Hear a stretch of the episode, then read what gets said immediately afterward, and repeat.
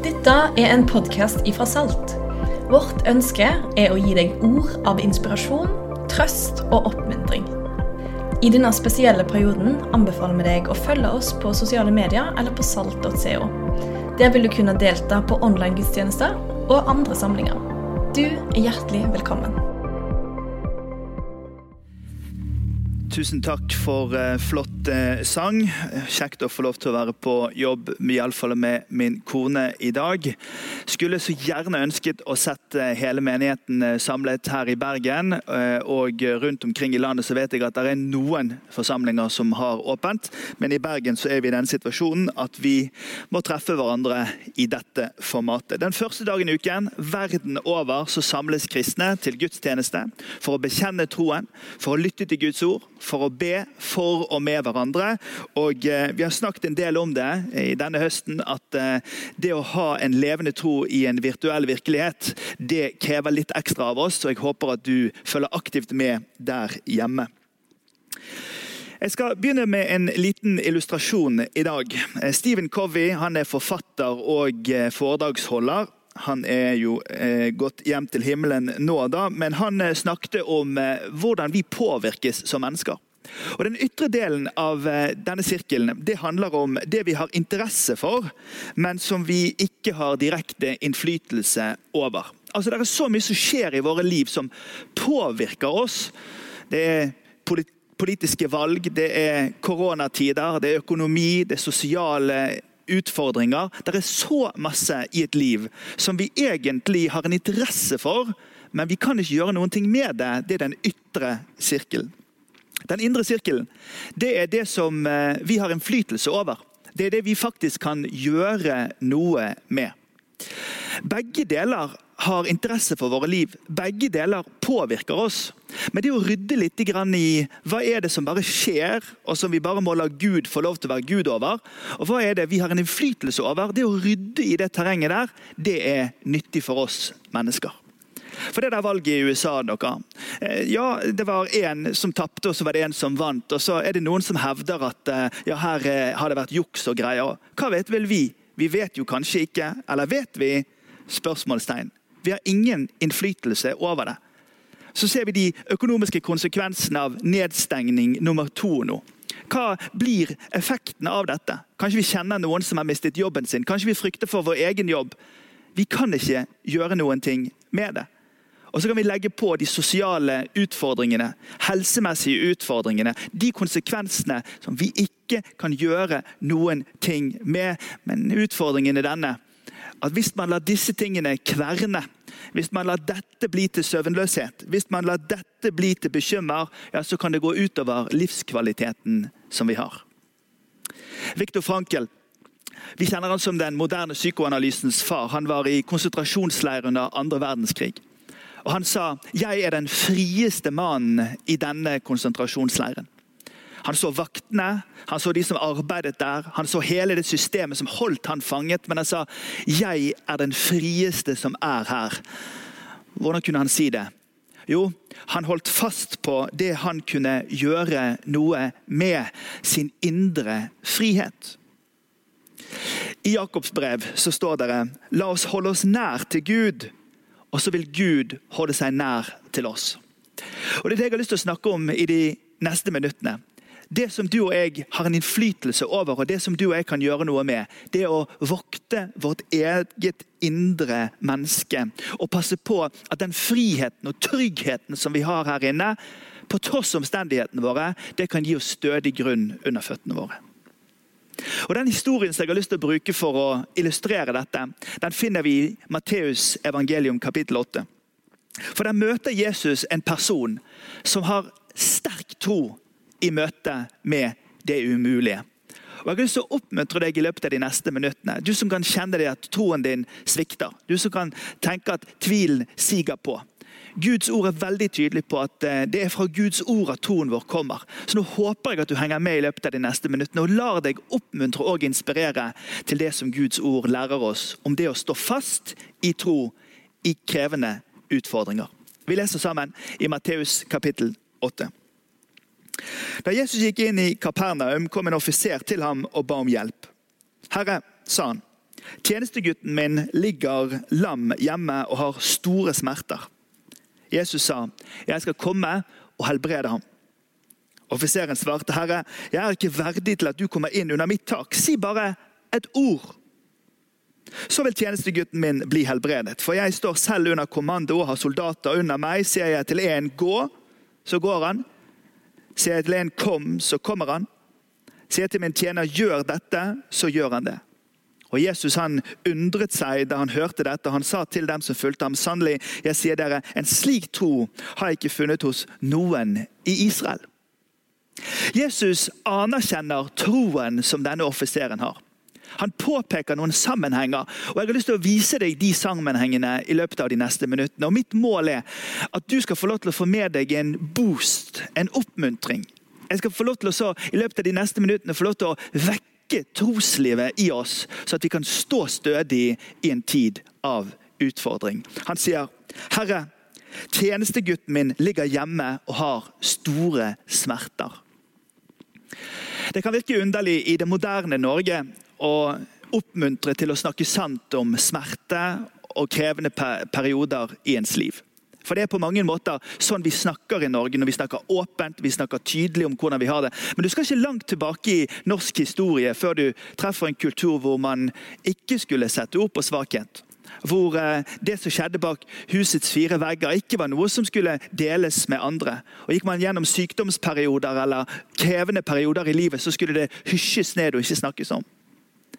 Jeg sier ikke at det ikke finnes grupperinger som opprettholder en fasade, men jeg har lyst til å si at summen av Guds ord lærer oss at det er godt å sette ord på det som er vanskelig i livet.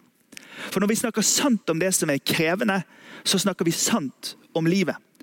Og Det er også en måte Bibelen lærer oss om å snakke sant til Gud. For da viser vi Gud at vi tar Han på alvor, og Skal vi tro bibelfortellingen, så tar Gud alltid på alvor de som kommer til han med sin smerte. Denne offiseren han kommer til Jesus og så sier han, jeg har tatt inn over meg at tjenestegutten min, han som er lam, han ligger hjemme og han har store smerter. Han hadde ikke tenkt å bytte han ut, han hadde ikke tenkt å skifte han med noen andre. Han hadde tenkt, ikke tenkt å gi han sparken eller sette han ut på gaten. Han eide problemet sitt, og fordi han eide problemet, så fikk han en mulighet til også å kunne gjøre noe med det. Han sa, 'Jeg er ikke verdig til at du kommer inn under mitt tak.' 'Men si bare et ord', sier han. Så vil tjenestegutten bli helbredet. For jeg er selv en som står med kommando, og jeg har soldater under meg. Sier jeg 'gå', så går han. 'Kom', så kommer han. Gjør dette, så gjør han det. Jesus sier, si, eh, Offiseren sier 'si bare ett ord'. Det er en enorm kraft i ord. På det hebraiske språket så kan det ordet for ord oversettes som substans eller ting. Det er ikke bare luft som vi kommuniserer med. Ord de er til for å skape med.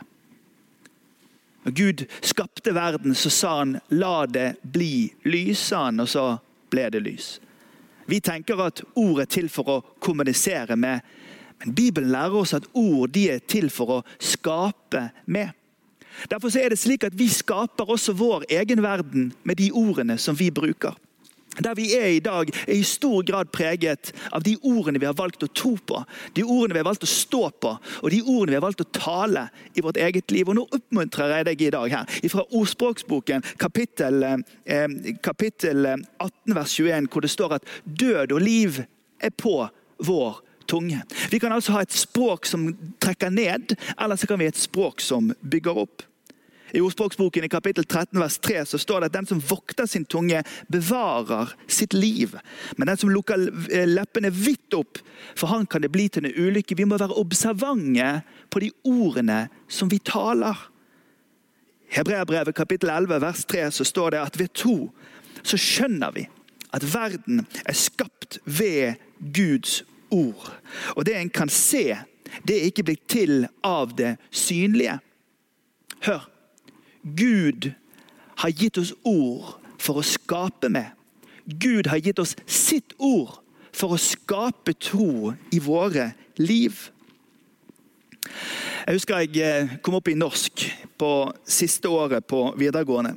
Jeg hadde fått sykt gode karakterer i norskfaget, men den ene eksamen i muntlig gikk skikkelig ille. Og En av grunnene til at det gikk skikkelig ille, var at eh, jeg følte meg litt utrygg på noe av pensum. Og jeg lot de vennene mine som kom ut ifra eksamensrommet, eh, sende et signal til meg om jeg skulle tenke positivt eller negativt. For du vet, Når noen kommer og gir en rapport om hvordan sensor ser ut, at sensor har tre hoder og er ute etter å ta deg, ja, så skaper det frykt. Men hvis sensor er varm og mild og er ute etter at du skal lykkes, ja, så skaper det andre følelser. Ordene våre, de skaper. Og offiseren, han kommer til Jesus han kommer til Jesus fordi han vet at Jesus er en sånn som kan skape med ordene sine. En sånn som har kraft i ordene sine til å skape helse for tjenestegutten. Når apostel Paulus har skrevet hele elleve kapitler i troslære, i Romerbrevet kapittel 1 til 11, så er det et skifte i begynnelsen av kapittel 12. Og skiftet merker vi med dette ordet 'derfor'. Han går over i applikasjon. Og I vers 2 i kapittel 12 så sier han innrett dere ikke etter den nåværende verden. Men la dere forvandle ved at sinnet fornyes, så dere kan dømme hva som er Guds vilje, det gode, det som er til glede for Gud, det fullkomne. Paulus sier det bedre enn Stephen Covey her. Det fins noe i verden som vi ikke kan gjøre noen ting med, men som påvirker oss. Og så fins det noe i vår verden som vi selv har innflytelse over, og som vi kan gjøre noe med. Han sier, 'Vokt dere for hvilke ord dere hører på'. For alle ord påvirker livet vårt. Jeg sier til deg i dag, du må ikke tro på alt du hører. For alt du hører, er, har mulighet til å påvirke deg til det positive eller til det negative.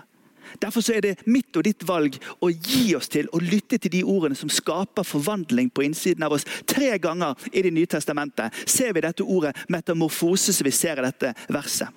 Forvandling. Den totale endringen som bare Gud kan gjøre. Gud som gjør det ved sitt ord og ved sin ånd ovenfor våre liv. Han sier at sinnet vårt skal fornyes.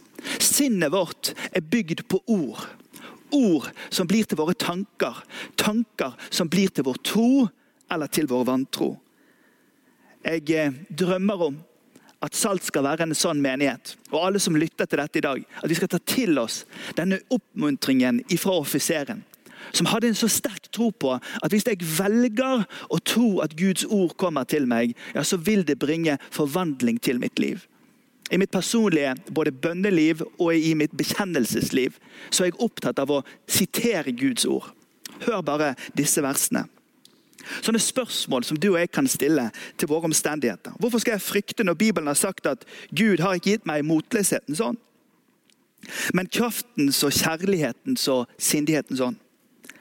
Hvorfor skal jeg, jeg være bundet når Bibelen har lært meg at her, der Herrens ånd er, der er det frihet. Og det er til frihet at Kristus har frigjort oss. Hvorfor skal jeg mangle visdom når Bibelen sier at der Herrens ånd er, der er det frihet? Det, eh, unnskyld, Hvorfor skal jeg mangle visdom? Vi er i Kristus Jesus, han som for oss ble visdom fra Gud, og som gir visdom til alle i rikelig mål uten å anklage de som ber han om det. Hvorfor skal ikke mine behov bli dekket?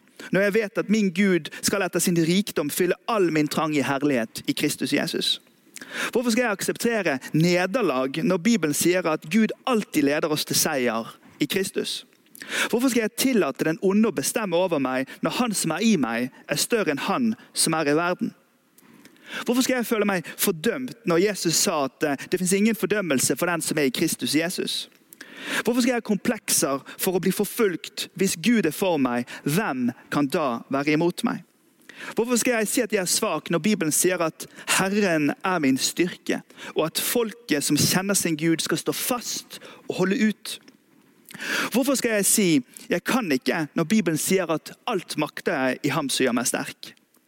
Hvorfor skal jeg bekymre meg, når jeg kan kaste alle mine bekymringer på ham fordi han har omsorg for meg? Hvorfor skal jeg være nedfor når jeg vet at det er ikke slutt på Herrens barmhjertighet, og at Herrens barmhjertighet er ny hver en morgen? Hvorfor skal jeg være forvirret når Gud ikke har skapt forvirring, men fred? Jeg har ikke fått verdensånd, men jeg har fått en ånd som er fra Gud, for at jeg skal kunne kjenne det som av nåde ble gitt meg fra Gud. Hvorfor skal jeg føle meg mislykket når alt, eh, når alt at jeg gjennom alt skal seire ved Han som har elsket meg. Hvorfor skal jeg være utilpass når jeg kan si med Paulus hvis Gud er for oss, hvem kan da være mot oss? Hvorfor skal jeg noen gang føle meg alene når Jesus sa 'Jeg er med dere alle dager inntil verdens ende'. Jeg skal aldri forlate deg og aldri svikte deg. Jeg kunne ha fortsatt. Men disse spørsmålene de finner sine svar i Guds ord. Jesus han undret seg da han hørte dette, og han sa til dem som fulgte, sannelig jeg sier dere, en slik tro har jeg aldri funnet noe annet sted i Israel. Jesus han anerkjenner at tro handler om å ta til seg av hans ord. Det er den enkle logikken i den kristne troen. Det er at hans ord skaper troen som gjør at vi kan kjenne oss stødig, og kjenne at selv i det umulige kan vi stå stødig på vår. Romerbrevet kapittel 10 lærer oss så kommer da troen av det budskapet som en hører, og budskapet det kommer av Kristi ord. Den dagen så eh, helbredet Jesus denne tjenestegutten. Han sa 'gå hjem, det skal skje sånn som du, vi, vi, sa'. Og tjenestegutten han ble frisk med det samme. Og Jeg vet ikke hva du står i i ditt liv. Men det jeg vet, det er at det er en hel masse greier i livet som du kan gjøre ingenting med. Slipp det. La Gud ta det. Og så holder du deg til det du har en innflytelse over. Det som er din indre frihet og din indre tro. Men tro ikke at det kommer av følelser. Tro at det kommer av Guds ord. Så er det økonomi? Er det relasjoner? Er det helse? Er det uro? Er det psykisk ufred? Er det søvnløshet? Hva enn det måtte være, så lærer Guds ord oss at han møter oss i dette livet. Ikke i abstraksjoner, men i dette livet. Og at der kan vi finne trygghet. La meg få lov til å be for deg. Herre, jeg ber akkurat nå at alle som følger med på denne gudstjenesten og deltar under forkynnelsen i dag, skal få lov til å høre at du er en Gud som skaper ved ditt ord. Herre, takk at du helbredet denne tjenestegutten denne dagen. Nettopp fordi at du er en trofast Gud, og ditt ord skaper helbredelse og nytt liv. Og Nå ber jeg om at du gjør det gjennom ditt ord for enkeltmenneskene som hører på denne forkynnelsen. Herre, takk at vi har en innflytelse over vårt eget indre liv. Takk, Herre, at du bærer resten. Vi ber i Jesu navn.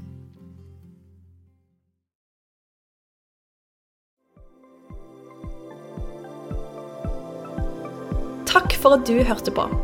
Velkommen tilbake til neste podkast og til alt som skjer online framover.